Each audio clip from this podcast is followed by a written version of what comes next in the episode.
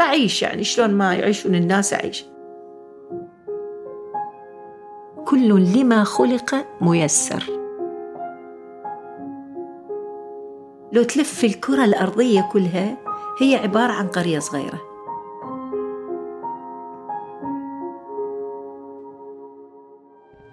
وأنا على الأرض حسيت إن مالي واقفة عقب هذه. محاولة. لمناقشة النقاط المفصلية في حياتنا. كل على سفر.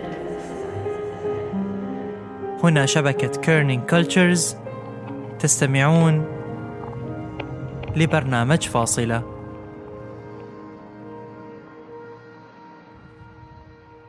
من أين أتينا؟ في أين نحن الآن؟ وإلى أين نحن ذاهبون؟ أين هي بدايتنا؟ وهل بإمكاننا أن نصير بأيدينا نهايتنا؟ جينا لهالدنيا سفراء فما هي إلا محطة جاءت من قبلها محطات وستأتي من بعدها أخرى. ولذا فإننا في سفر دائم. هذا المعنى الشاعري لتكويننا الإنساني ولكن شلون بيكون شكل حياتنا إذا تحتم علينا فعلا أن نترك موطننا الأصلي لنختبر العالم؟ وشلون لو كانت قصتنا اليوم قصة عائلة واحدة لكنها تمثل شعب كامل أجبر على الترحيل لأسباب شتى على مر الأجيال اللي ورثت الصدمات صدمة تلو أخرى بعد أن كانت تعيش في عز ورخاء. أنا أصلا مواليد ستين يعني. هذا صوت بروين البرزنجي جدة عراقية وربة منزل بالمقام الأول. لكنها حكواتية من الطراز الرفيع اللي لما تحكي القصص كل الناس تتجمع حوالينها وتتسمر بكل حواسها وتنسى الزمن. تنويه بروين عندها قدرة هائلة في الفراسة وتتذكر التواريخ بحذافيرها. وفي هالقصة قررنا أن نصدق ذاكرتها ونخليها الأساس في سرد القصة زمنيا. يعني هذيك الفترة اللي ربينا بيها يعني كانت الأمور حلوة وطيبة يعني مشاعر طفل يعني في ذاك الوقت يعني أنه الآن تفتقد يعني أنه ما في ما نشوف يعني عيال في الفريج يطلعون مثلا يلعبون وكذا. إحنا ذاك الزمان كان يعني إحنا لازم نطلع يعني. يعني عصرية لازم تطلع تشوف عيال وتشوف جيران وتلعب معاهم. البنات يلعبون لعبة التوكي إحنا نسميها والأولاد يلعبون إحنا نقول عليه الدعبل بالعراقي. يعني هاي اللي اللون يحطوها ويسوون اللون فيها. ونركض نتسابق. والدنيا حلوة. الشتاء شتاء والصيف صيف. الشتاء يجي برد والصيف يجي عادي يعني. يعني حتى مجملا أنت تقعد تفطر الصبح.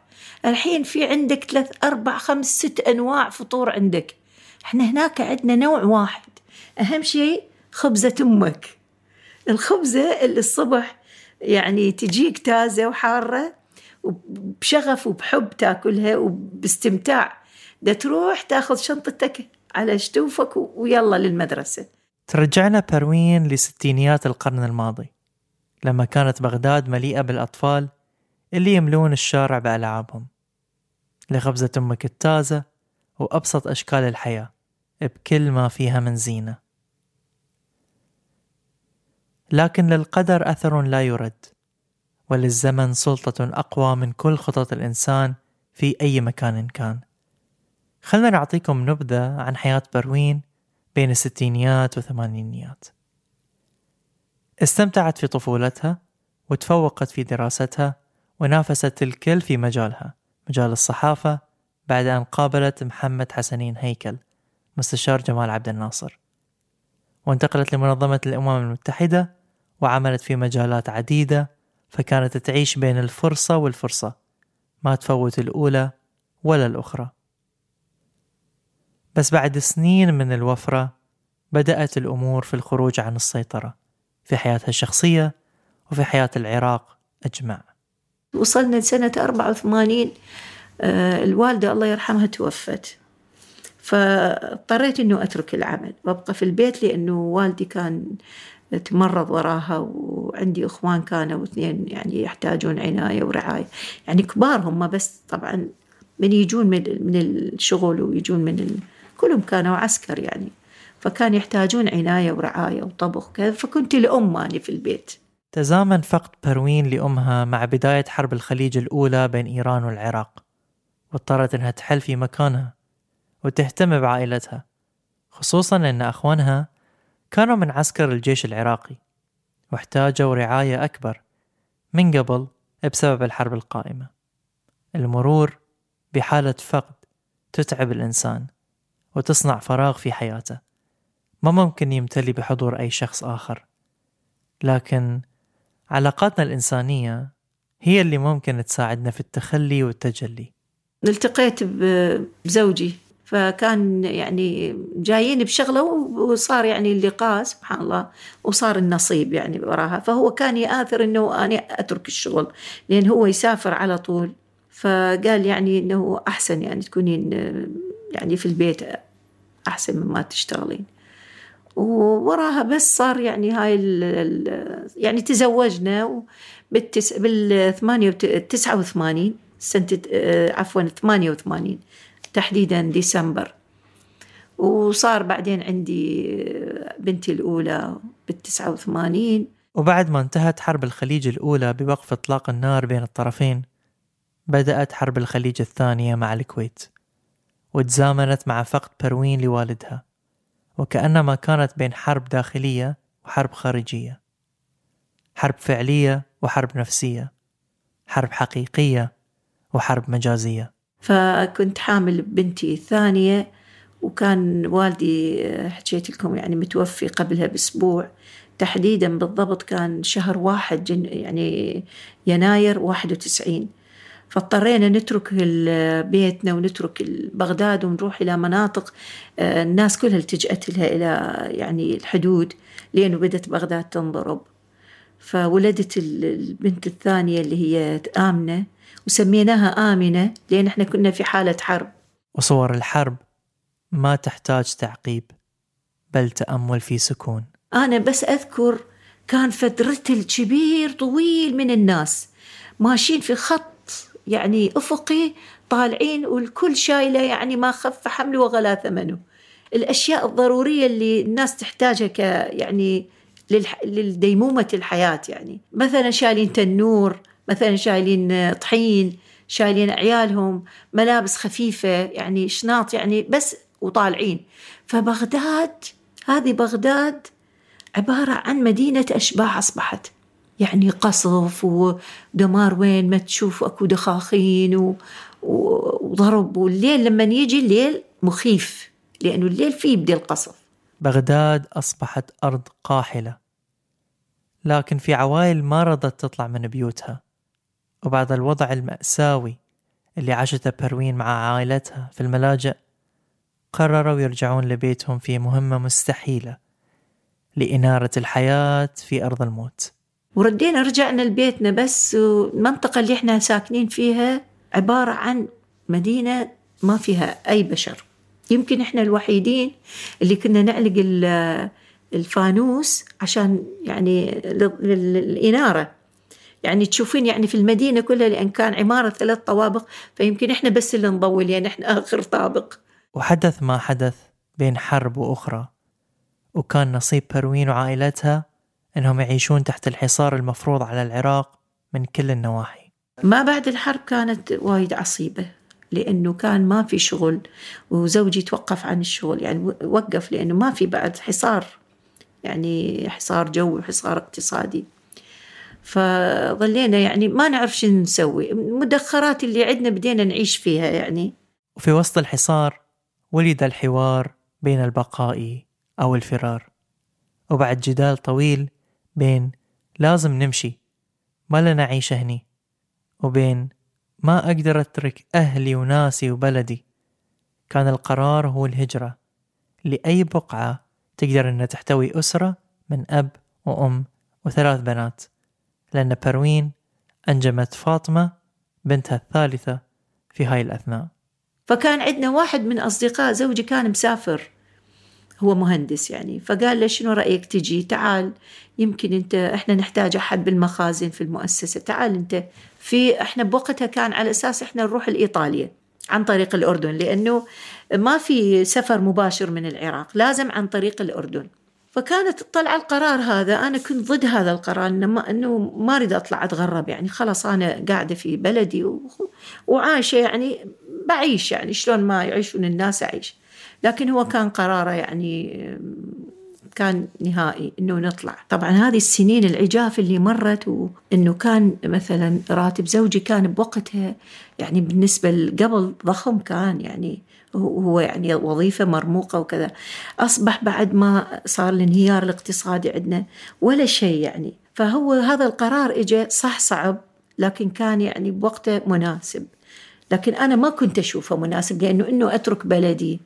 وأترك أهلي وأترك ناسي يعني والديرة اللي عشت فيها حياتي كلها يعني صعب أنه أطلع يعني. وبعد ما اقتنعت بروين من الهجرة أرسلت لها إشارة إلهية في الآية ما قبل أذان الفجر تهدئها وتطمنها أكثر من هذا القرار. وإحنا طالعين كان تو صلاة الفجر فكان إحنا عندنا بالعراق في يعني قبل لا يأذن يقرؤون ما تيسر من القرآن.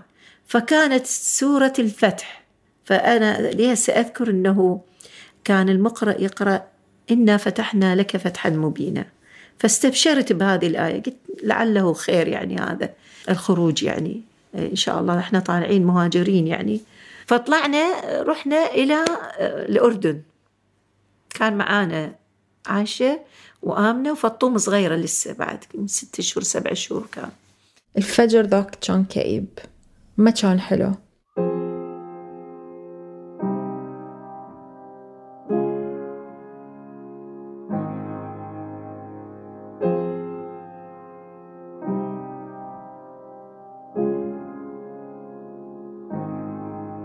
لوش كثر أحاول أتذكر التفاصيل مال مال ذيك الفجرية ما كان بيها ولا شي حلو. كل شي كان كئيب. أه ماكو أحد بالشارع الناس لساتها نايمة وقاعد نركب إحنا بالسيارة و... أنا حتى ما شفت أحد من الجيران يعني من جهال الجيران اللي ألعب وياهم بالعادة. يعني مشينا حتى ما قلنا مع السلامة لأحد عدا الناس المهمين يعني آه، بيت جد وخوالنا اللي موجودين وعماتنا. بس هذول الناس إحنا عايشين وياهم بنفس المكان. إذا تريد الصدق لحد اليوم أني يعورني قلبي إنه شلون طلعنا بدون ما طيب يعني بدون ما سلمنا عليهم. هذا صوت عايشة البنت الكبيرة اللي جت للدنيا بين الحربين كشرارة أمل في حياة بروين وعائلتها. عايشة المهووسة بالنخلة بكل ما تحمله من هوية عربية عراقية وخضرة النخلة اللي بتتم عايشة معانا طول القصة. أكثر شيء كنت أتذكره النخل. بكل مكان يعني النخلة بالنسبة إلي شيء كلش يعني آه، أحسه شيء كلش يعني مهم بالنسبة لي لأن كانت دائما تذكرني بال... بالجزء اللي بحياتي اللي آه، يعني أنا أتمنى لو قدرت أكمله وإحنا هناك بال... بالعراق. آه، نخل شي تذكر وأنا أقول لنفسي إن نخلة طويلة نخلة قصيرة نخلة طويلة نخلة قصيرة لأن كان أكو هواية أنواع طوال وقصار. وين ما تلتفت أكو نخل نخل نخل بكل مكان فالنخلة هواية متراسخة بذاكرتي آه، يعني لما أقول طفولة دائما النخلة تجي ببالي ولأن عايشة ولدت قبل الحرب الثانية بلحظات فأول الصور في حياتها كانت صور للحرب غير المنطقية بأنماطها غير القابلة للتحليل لطفلة في عمر السنتين. الحرب اللي صارت بعدين اللي مرة واحدة كل شيء تغير. يعني فجأة كل شيء كل شيء تغير. كنت صغيرة ذاك الوقت. ما أفهم أني شيء بس أتذكر الخوف. يعني حتى أتذكر إن لما يعني لما أتذكر الحرب أتذكر إني كنت أشم ريحة. مو ريحة شيء يعني طالع من مكان بس كنت أشم ريحة الخوف. يعني يبين الخوف إلى يعني صورة كلش يعني واضحة على وجه الإنسان. يعني ما تقول إن هذا متوتر أو حيران لا هذا خايف. لون البشرة شلون يتغير الشفايف تصير يختلف لونها. ما أدري كأنه ينسحب الدم من وجه البني آدم يظل كأنه تروح الروح بعد وياها كأن الخوف يعني يسحب الروح من من جسم البني آدم. يعني ما أنسى أن إحنا على الرصيف مال الشارع العام اللي هو ال highway قاعد نمشي. ماما شايلة أختي الصغيرة وبابا موجود وأني وياهم. بابا يسحبني ماما شايلة أختي وقاعد نركض. يعني حرفيا قاعد تركض على highway اللي هو المفروض بس للسيارات بس الناس من الخوف من الرعب طالعة تركض يعني بس يريدون يعني قاعد يهجون يريدون يروحون يلاقون مكان يعني آمن إن على مود ما. ما يجيهم يخافون إنه يفقدون حياتهم يخافون يصير شيء آه أسمع صوت صفير كنت دائما لما اسمع هاي الصوت أعرف انه كان أكو دائما قبل قبل لا ينفجر مكان أو قبل لا تنزل قنبلة كان أكو صوت نفس الصفير. بالبداية كان يعني بس أسمعه ومو فاهمة أنا أظل يعني مركزة على هاش من وين قاعد يجي صوت الصفير هذه. فما كنت أستوعب إنه وراها يصير boom يعني انفجار قوي. آه بعدين قمت أربط إنه okay أول شي يجي صفير بعدين يجي انفجار. فقمت كل ما أسمع صوت الصفير قلبي دكي دكي دكي دكي بسرعة يعني تعرفي اللي أظل أتلفت إنه وين ال boom من وين راح تجي. وتذكرون صديقة عايشة النخلة اللي كانت ترمز لطفولتها؟ أتذكر إني شفت آه، نخل يحترق. أنا ما أنسى هاي المنظر. بابا كان يسحب بيا يسحب بيا يسحب بيا بس أنا عيني معلقة على النخلة قاعد تحترق. أتذكر بذيك اللحظة أن نفس يعني كل الأصوات راحت. ما قاعد أسمع أي شيء بس أنا قاعدة أباوع على النخلة اللي قاعدة تحترق. واحترقت طفولتها. لكن الحرب ما اكتفت من أخذ طفولتها وصديقتها الأولى بل كانت السبب في هلاك صديقتها الثانية دميتها.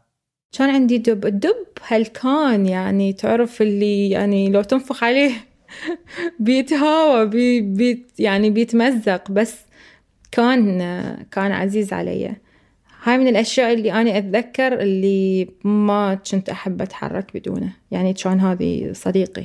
انطلعنا رحنا بيت جدو طلعنا افترينا بالسيارة كان دايما موجود وياي. آه بالنسبة لي أنا هاي كانت مقتنياتي الثمينة اللي أنا كنت يعني ملزمة إني آخذها لما طلعنا. كان في يدك ال highway؟ إي إي ف الدب مسكين. الدب كان ضحية همينة يعني. كنت سحلته بكل مكان وعذبته تعذب وياي على ال highway وبالانتظار للملجأ. ولما أهملته لما وصلنا بيت جدو. لأن كان أكو ناس أحبهم أكثر أني من الدب لقيتهم هناك. وعلى الرغم من صغر سن عايشة إلا أن عظمة الحدث خلتها في حيرة من أمرها. تتساءل عن كل صغيرة وكبيرة قاعدة تصير حوالينها. تذكرت كنت إن من الأشياء اللي كانت مضايقتني يعني إن اللي مسببت لي نفس ال يعني confusion. ما يعني ليش قاعد يسحبوني بسرعة؟ وليش النخلة قاعد تحترق؟ ليش الناس قاعد تركض؟ إنه شنو صاير؟ فكان هذه هذه الأسئلة اللي ما لها جواب هي كانت والحيرة كانت همينة تخوف أكثر لأنه ماكو جواب إنه شنو قاعد يصير. لكن بعد سنين لما قدرت عايشة تحصل على المعنى وراء كل هالعبثية فهمت شنو اللي صاير وفهمت أن تأثيره راح يدوم معاها لآخر العمر.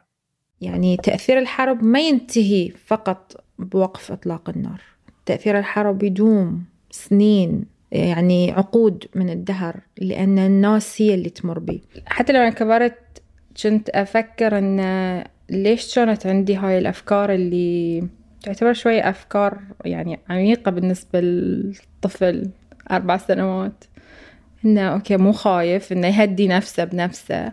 آه، أحس هاي المرحلة هذه الفترة اللي أنا عشتها بالعراق قبل لا نسافر وخاصة خلال الحرب أه سوت شي بشخصيتي إن أني خلاني أعتمد أحب أعتمد على نفسي بهواية أشياء. كأن آه ماكو شي يدوم.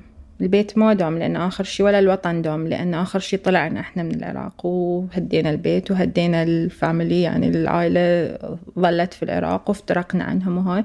فنفس اللي أنت تكون أنت دير بالك على نفسك بنفسك لأن ماكو شي يدوم يعني ماكو حال يدوم على على نفسه يعني لفترة طويلة. وعن الحصار من عين طفلة خبزة أمها ما كانت تقدر تحصل عليها تازة. أتذكر ماما وهي تحاول تخبز والطحين كان مو زين فالخبز كان يحترق. ما يظل يعني مو ما تقدر تاكله. أتذكر كانت تجفف الطماطة إن على مود تقدر تحفظها بطريقة إن نقدر نستعملها يعني أكثر. يعني كل مظاهر الرخاء كان الواحد عايش بيها خلاص راحت. وبعد ما اختفى الرخاء في العيش أتى قرار الهجرة. بس شلون كانت عايشة تشوف هذا القرار يتبلور من وراء نافذة البلكونة؟ قرر أبويا وقتها أنه خلص يعني ماكو قاعدة بالبلد بعد لازم واحد يحاول يعني يشوف حياة ثانية مكان ثاني. يعني حتى أتذكر أنه كان يطلع في حيرة هو ما يعرف شلون يعني آه، يحل الموضوع.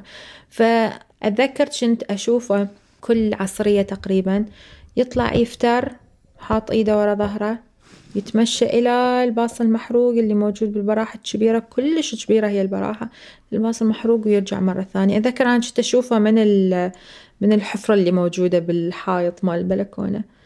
كان محتار ما استسلم من البداية.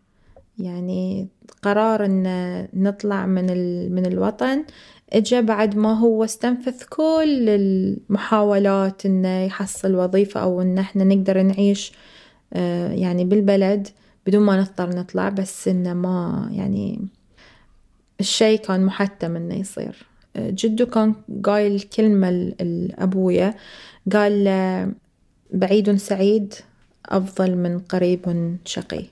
هاي الكلمة أني ظلت راسخة في بالي إن هي هاي الكلمة اللي خلت آه، أبويا إنه خلاص يقرر إنه هو يطلع. بس ما كنت فاهمة إن أغراضنا ليش أغراضنا كلها قاعد نشيلها؟ ليش ما أقدر أخذ ألعابي كلها اللي كانوا بالغرفة؟ أه ليش مستعجلين؟ ليش قاعد نركض؟ ليش بسرعة كل شيء؟ وين رايحين؟ ليش راح نركب السيارة؟ شنو يعني راح نسافر؟ واستمرت حيرة عايشة في النمو وخذت شوي من حيرة أبوها وكان حدسها يخبرها بشيء غير اللي كانت تشوفه. يعني طول الدرب لا نوم نفع ولا أكل في السيارة وكل شيء كان يعني يعني مثل ما يقولون I didn't sign up for this. مع إنهم ما قالوا لي إن إحنا ما رح نرجع بس أكو شيء داخلي يقول لي إن إحنا ما رح نرجع. خلاص. حتى لو رجعتي هذه المكان ما رح تشوفي بعد. وابتدت هجرة عائلة بروين من العراق إلى أي مكان يلمهم. لكن بسبب الحصار ما كانوا يقدرون يسافرون من العراق واضطروا يسافرون بالسيارة عبر الحدود للأردن ويطيرون من هناك.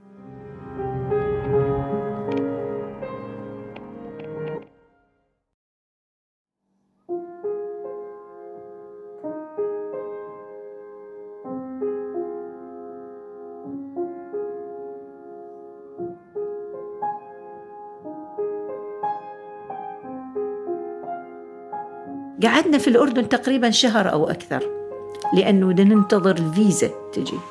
آه الأخ هذا صديقه زوجي طلع من إيطاليا وإحنا ما ندري إحنا رايحين له. لكن هو طلع رايح وين؟ رايح مستلم إدارة شركة في ألبانيا.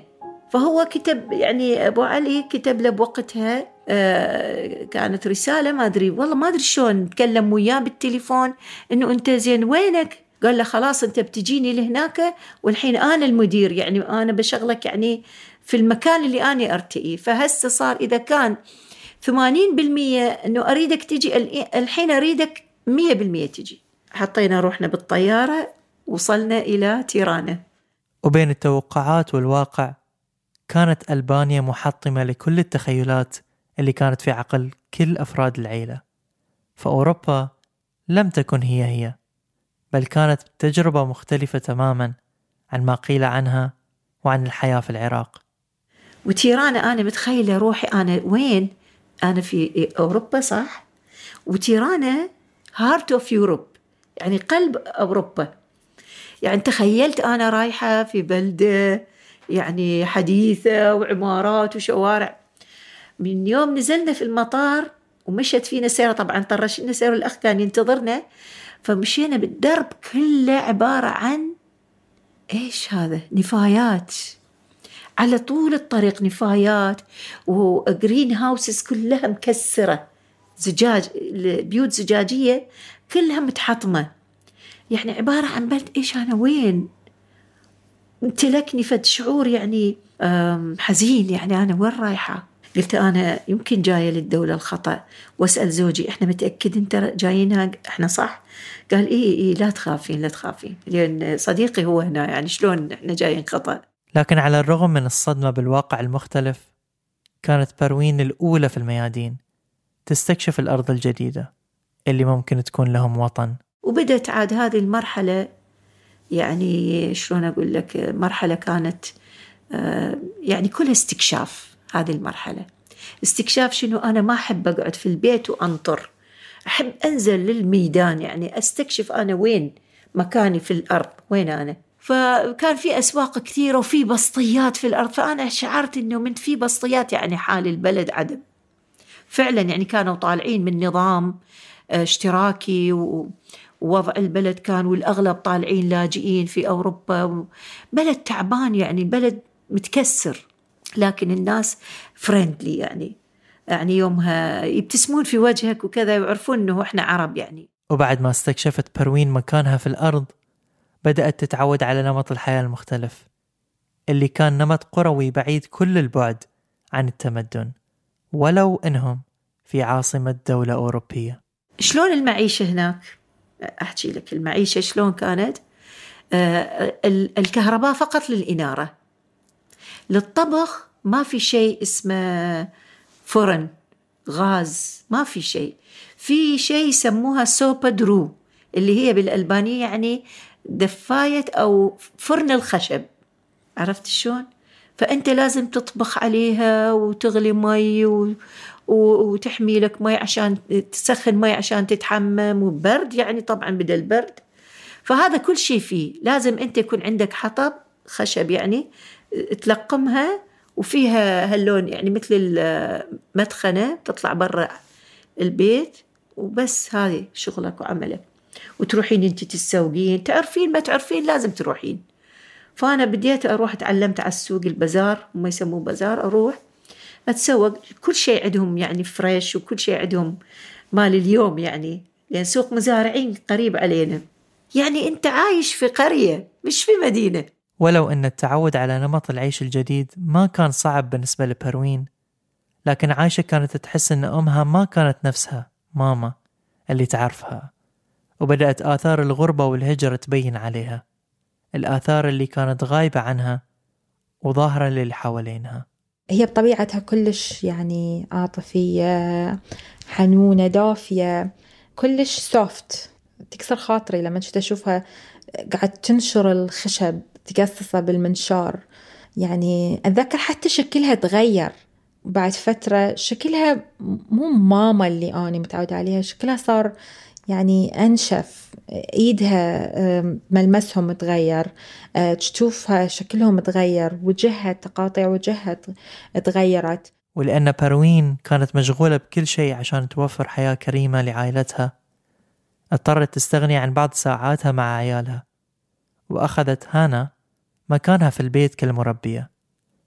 اللي في فترة من الفترات كانت الأم للحظات طويلة جدا بعد ما حملت بروين بطفلتها الرابعة. آه، هي كانت ذاك الوقت مديرة مدرسة وكان أكو آه، واحدة من الطالبات اللي هي عندها قررت إن هي ما تحب تواصل الدراسة وحبت إنها تكون هي المربية مالتنا فهي كانت تقعد ويانا. إذا هانا موجودة يعني ماما مو موجودة وهي تهتم بينا. بس هانا كانت صغيرة بالعمر. أنا بالنسبة لي لما أتذكر هي هم كانت طفلة. يعني يمكن كان عمرها 16 17 سنة أظن يمكن. هم تعتبر طفلة. ف شنو راح تقدمي لي يعني؟ شنو راح تسوي لي اللي راح يخفف عني هاي الشيء راح تنزل توهم بعدين ولا ما رجعتوا لها؟ ما رجعنا لها ما عمرنا رجعنا لها بس هنا كانت موجودة لما ماما سافرت على مود كان القرار الأخير أن ماما لازم تسافر عند أختها بالأردن على مود تولد. لأن ما كانت تقدر أنها تخاطر. فهنا ظلينا بروحنا. وهاي أول أول مرة نكون يعني بدون ماما بدون والدتي. فكان الشيء مو إنه لا ماما راح تروح وراح ترجع على الساعة خمسة. ماما راحت وما نعرف فيها شو وقت راح ترجع؟ ما أنسى أن أني كنت كل ليلة أحضن دشداشتها وعلى مود أقدر أنام وأذكر أن أني كنت هواية أصيح لأن وعاشت عايشة شعور الغياب لأول مرة الغياب الأكبر من بعد الخروج من الوطن غياب في وسط غربة عرفها على شكل آخر من أشكال الفقد ولو كان مؤقت. لحد اليوم أتذكر الحرقة اللي أنا كنت أبكي بيها لما يعني لما كنت أنام لأن كنت كان الشيء كلش صعب علي يعني ما ولا حتى ريحتها بالدشداشة كانت قاعدة تعوض إن هي ما حد. وبعد الغياب حضرت بروين في حياتهم مرة أخرى لكن مع طفلة جديدة. الفكرة اللي غابت عن بال عايشة بسبب البعد وآثار الغربة. اللي أتذكره إن ماما ما كان يبين عليها إنها هي حامل. فما أتذكر إنه كان أكو أي شيء يبين إنها هي حامل يعني إنه ما أتذكر مسكت بطنها أو حطيت راسي على بطنها على مود أسمع وهاي الشيء هم يخليني لما أفكر بيه إن مسكينة ماما يعني ما بينت لنا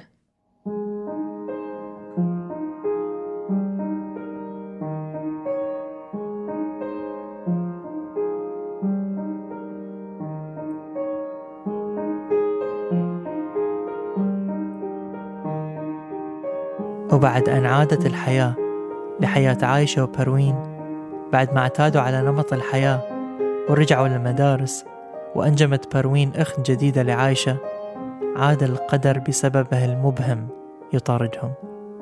حرب أخرى. صارت حرب كوسوفو وصار اختلال بالنظام داخل البلد يعني. صار في يعني شلون نقول لك غوغاء يعني صار. في الناس يعني قامت يعني استولت على بعض الدوائر الحكومية وكذا. إحنا خفنا لأن كان عندنا عيال يعني أربعة خفنا عليهم. فقررنا إنه قلنا لهم للشركة يعني نقلونا لأن إحنا ما نقدر نعيش يعني هنا.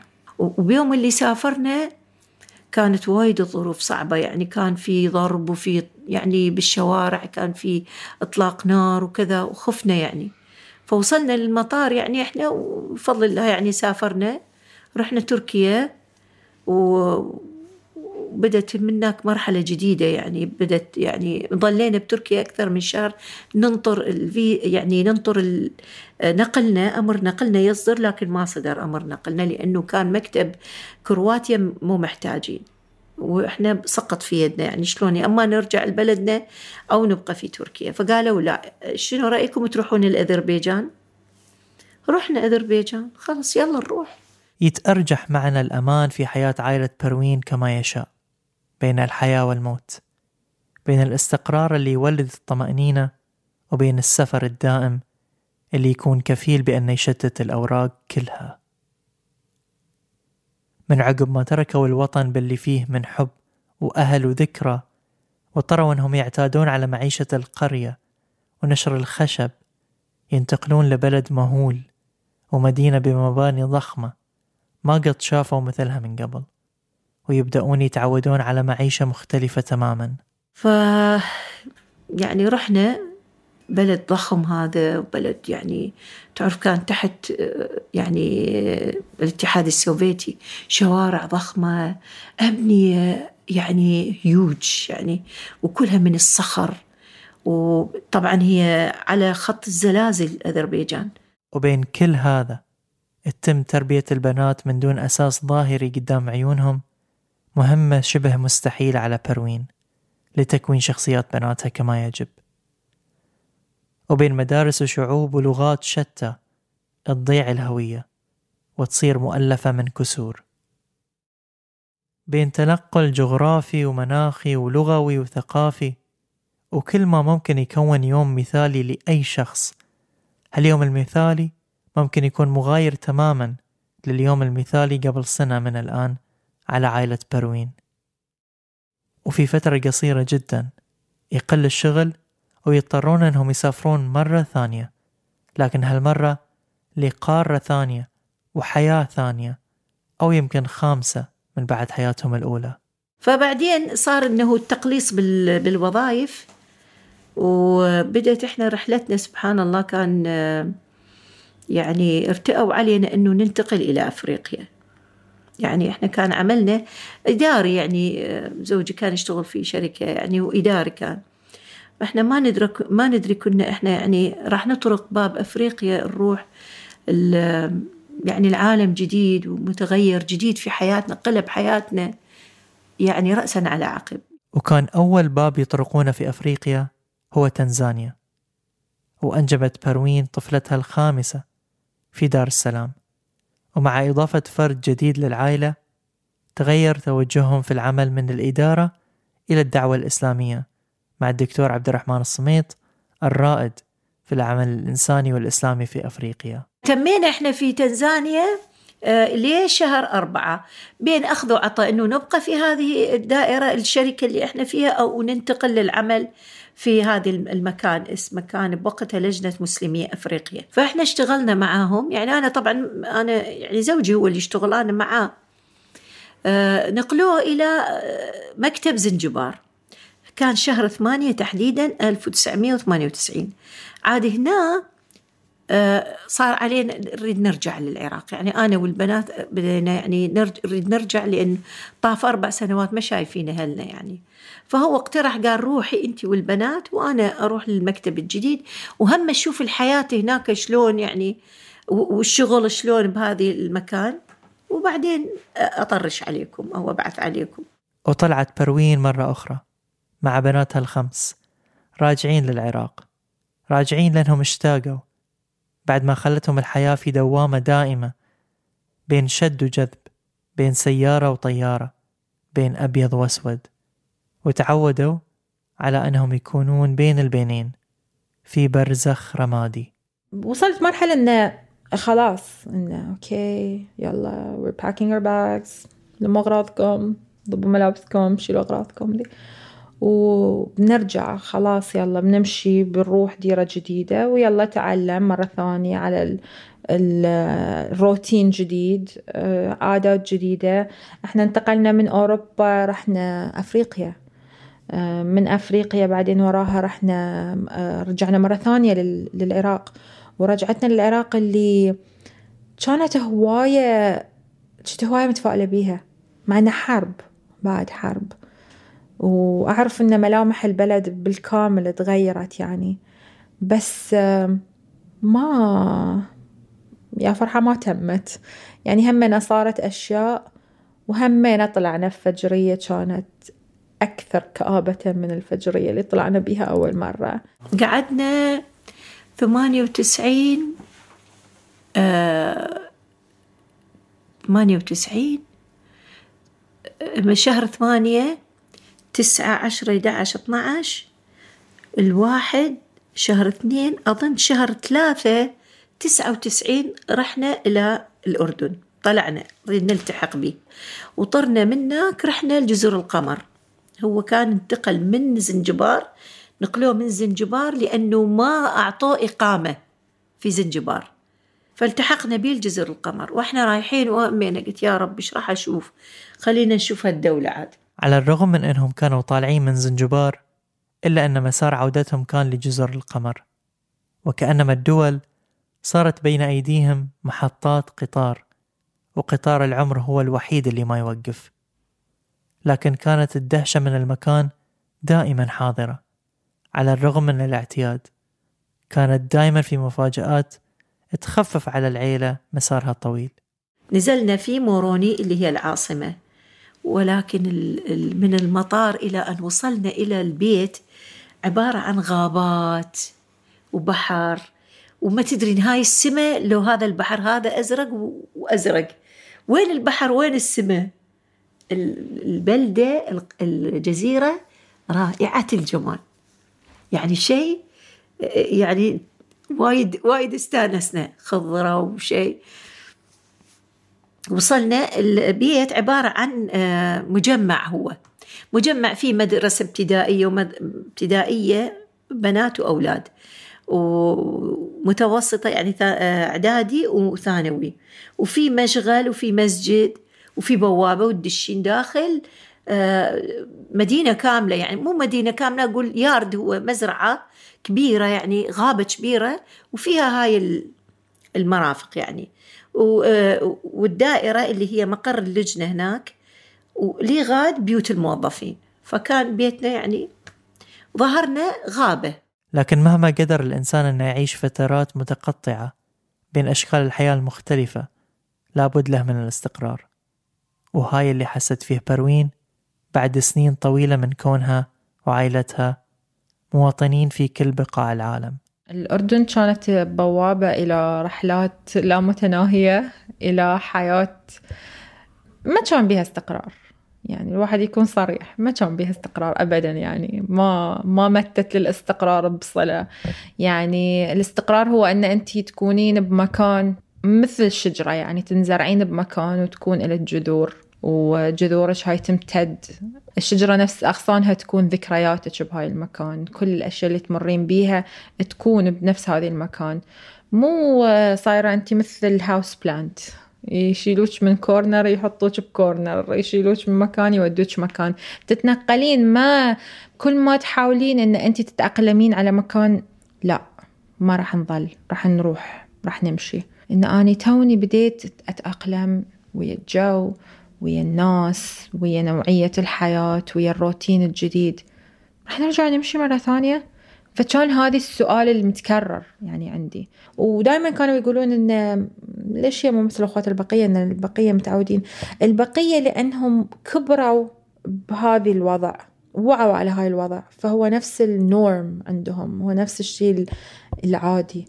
أنا اللي اختبرت الشيء اللي هو اللي كان عادي بعدين صار مو عادي آنه أنا مثلا عشت في جزر القمر تسع شهور فقط ورديت مرة ثانية سافرت. آه، وبعدين رحت زامبيا وأنا رايحه لهناك وت... بعدين تعودت على الحياة هناك و... ونظمت حياتي وكذا وفجاه يصير شيء يقلب حياتي راسا على عقب لازم نتحول من هذا المنظر.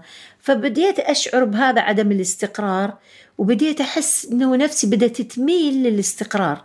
لأن أني يعني أريد أشوف أولادي يروحون للمدارس يوميه وأنتظرهم جايين أغديهم أدرسهم. عرفتي؟ بديت يعني أحس بهذا الشعور. فبديت أشتغل على إنه أستقر.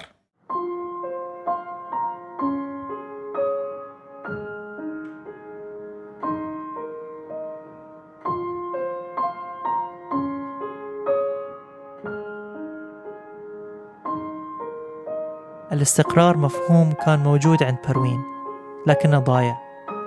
وعايشة كانت تتعرف عليه جزء بجزء لكنه غامض.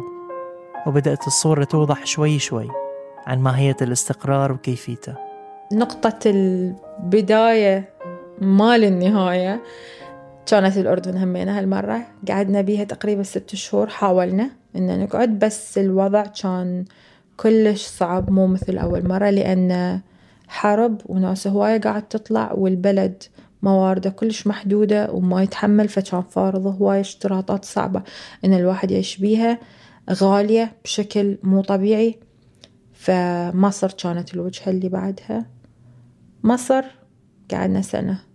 قلت "مم، شكله أوكي يمكن this is it.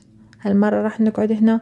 وفي كل دولة تتم عايشة تدور على إشارات تبين لها أنهم يستقرون في هالدولة. ويخيب ظنها في النهاية. إلى أن تم اختيار البحرين كوجهة واختتمت الملحمة باستعمال الثلاث وسائل للمواصلات. الرحلة كانت رحلة ابن بطوطة للبحرين كان عندنا سيارة كيا كارنيفال. it's family size سيارة عائلية. فإحنا وي توك سيارة هاي الرحلة كانت آه، kind of interesting لأن آه، سيارة آه، سفينة وطيارة. يعني كأنه تختم ال- الرحلات هذه كلها بأنك تستعمل الثلاث مواصلات للتنقل. وبدأت حالة التوجس عند عايشة مرة ثانية في البحث عن دلائل للاستقرار قبل لا تقرر أنها تبدأ قصة جديدة في بلد جديد. احتمال يقعدون فيه شهور ويرجعون. توصل مرحلة اللي أنا ما أبي ما أريد أبدي قصة بهاي المكان. وهي هاي المرحلة اللي وصلت لها لما وصلنا البحرين. طبعا أنا ظليت بحالة توجس. أول سنة أول سنة ونص. بعدين لما بدأوا يدورون على جامعة حسيت إنه أوكي يعني إذا جامعة معناها إن راح نظل هنا. وفعلا كان إحساس عايشة صحيح. بدأوا يستقرون في البحرين بعد ما حست بروين أن محرق تشبه بغداد. يعني من 2006 من يوم خليت رجلي في البحرين ومباشرة بناتي راحوا للمدارس وشفت مدارس وشفت ناس يروحون للمدرسة ويجون وشفت أنه أنا أسمع الأذان وفي يعني في انتماء للمكان اللي أنت عايشة فيه خاصة المحرق بالضبط كأنها بغداد. وطريقة المشترى والبيع والأسواق كلها تشبهنا. فحسيت إيه هذا هو المكان اللي أنا يعني حاسة نفسي بيه أحط راسي وأنام مرتاحة يعني ومأمنة. لكن بعد كل هالتنقلات كل هالرحلات غير المحدودة لا بزمان ولا بمكان شنو صار تعريف الوطن أو البيت لعايشة؟ الأردن ما كان هو يعني نقطة النهاية هاي كان الانطلاقة.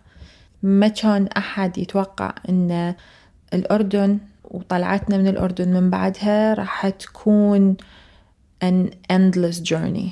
وصلت مرحلة بعد كل هاي التنقل كل هاي الدول اللي سافرنا لها ما أدري كم دولة 28 32 دولة.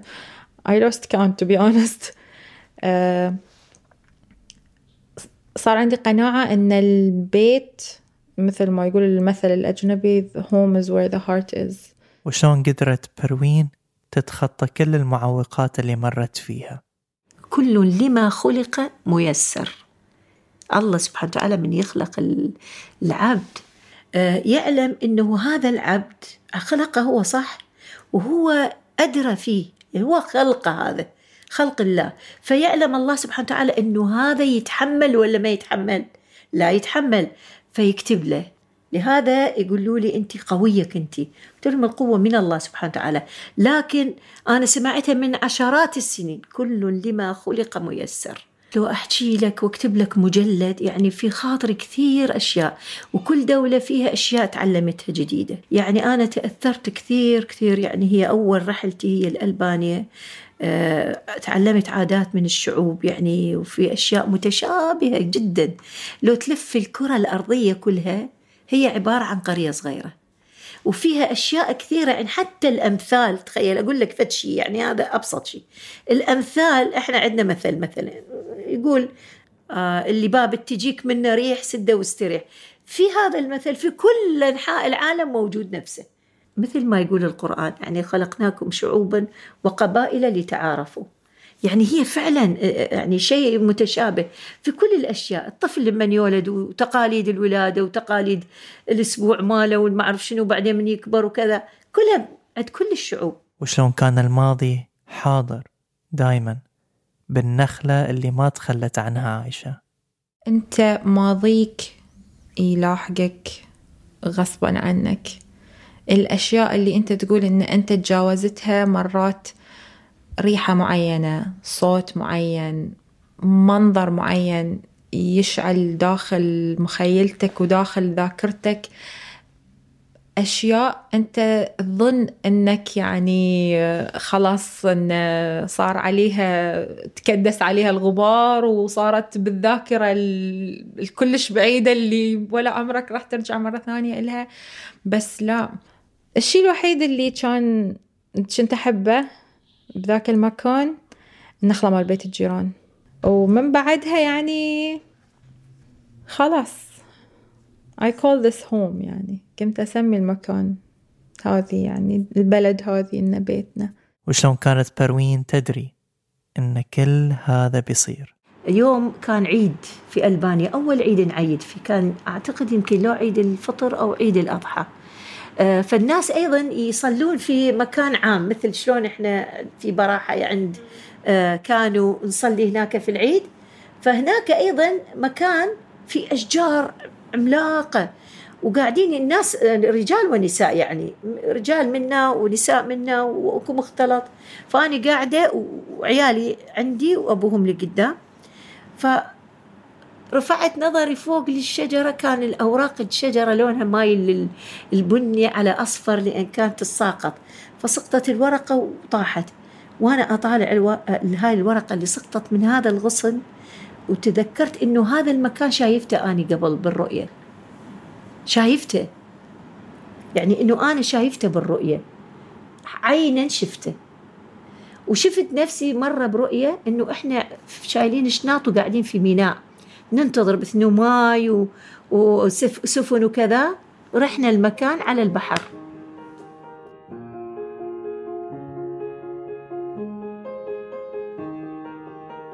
كانت هاي الحلقة التاسعة من فاصلة.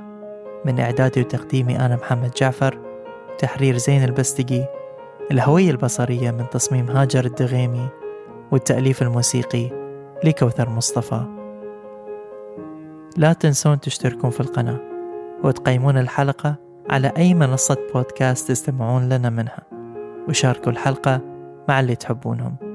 إلى أن نلقاكم في نقاط مفصلية أخرى.